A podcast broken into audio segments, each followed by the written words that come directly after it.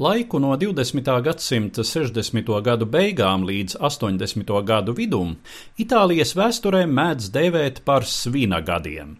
Šai periodā gan labējie, gan kreisie radikāļi veica virkni teroraktu, kas bija vērsti kā pret politiskajiem pretiniekiem, tā arī pret valsts varu un pastāvošo sabiedrisko kārtību kopumā. Par šī perioda sākumu uzskata 1969. gadu, kad valstī strauji izvērtās strādājums strādnieku un kreisi noskaņotu studentu streiku kustība, arvien biežāk notika streikotāju sadursmes ar kārtības sargiem, Īstais terora ēras sākums pienāca 1969. gada 12. decembrī, kad vienas dienas laikā eksplodēja četri spridzekļi - divi Romā un divi Milānā.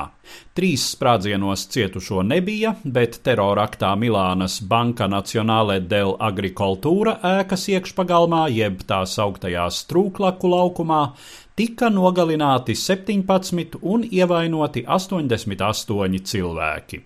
Sākotnēji kā aizdomās turamie par strūklaku laukuma spridzināšanu tika arestēti vairāki desmiti anarchistu.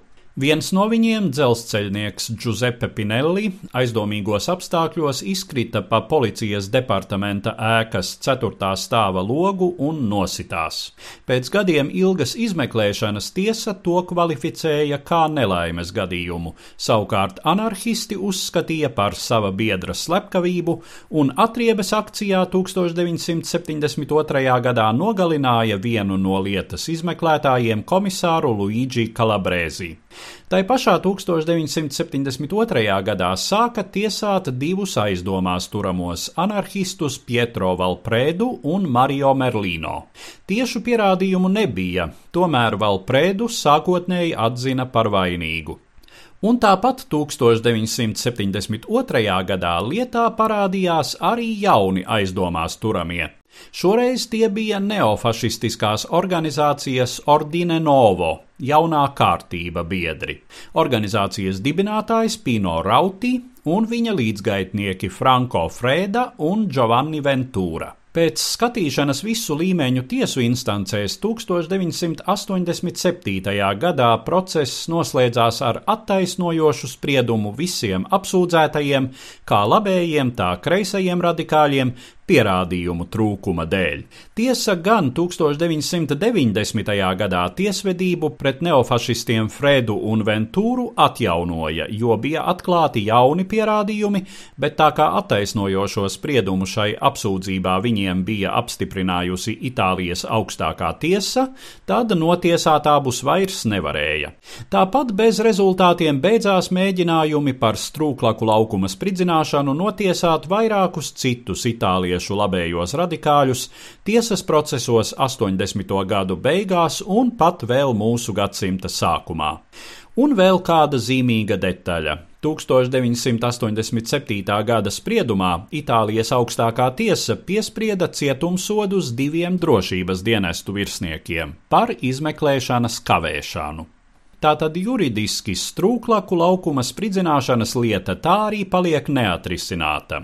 Faktiski vairums mūsdienu pētnieku ir vienisprātis, ka ne anarchistiem, ne citiem kreisajiem ar to nav bijis sakara, un diezgan noteikti tas ir labējo radikāļu roku darbs, tāpat kā vairāki līdzīgi asiņaini terorakti svina gados.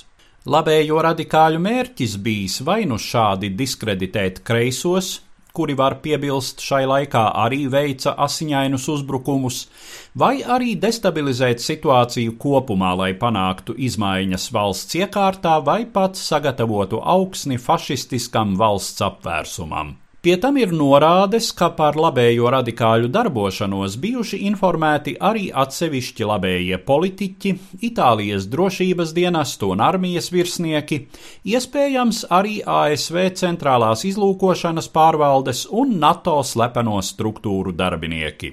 Šie neofašistu līdzzinātāji valsts varā un spēka struktūrās gan neatbalstīja viņu radikālos mērķus, tomēr iespējams šādi cerēja nepieļaut iekļaut itāliešu komunistu ietekmi, kas šai laikā kļuva iespējama pateicoties ciešajai sadarbībai starp Enrico Berlinguera vadīto kompartiju un kristīgajiem demokrātiem ar Aldo Moro priekšgalā, stāstīja Eduards Liniņš.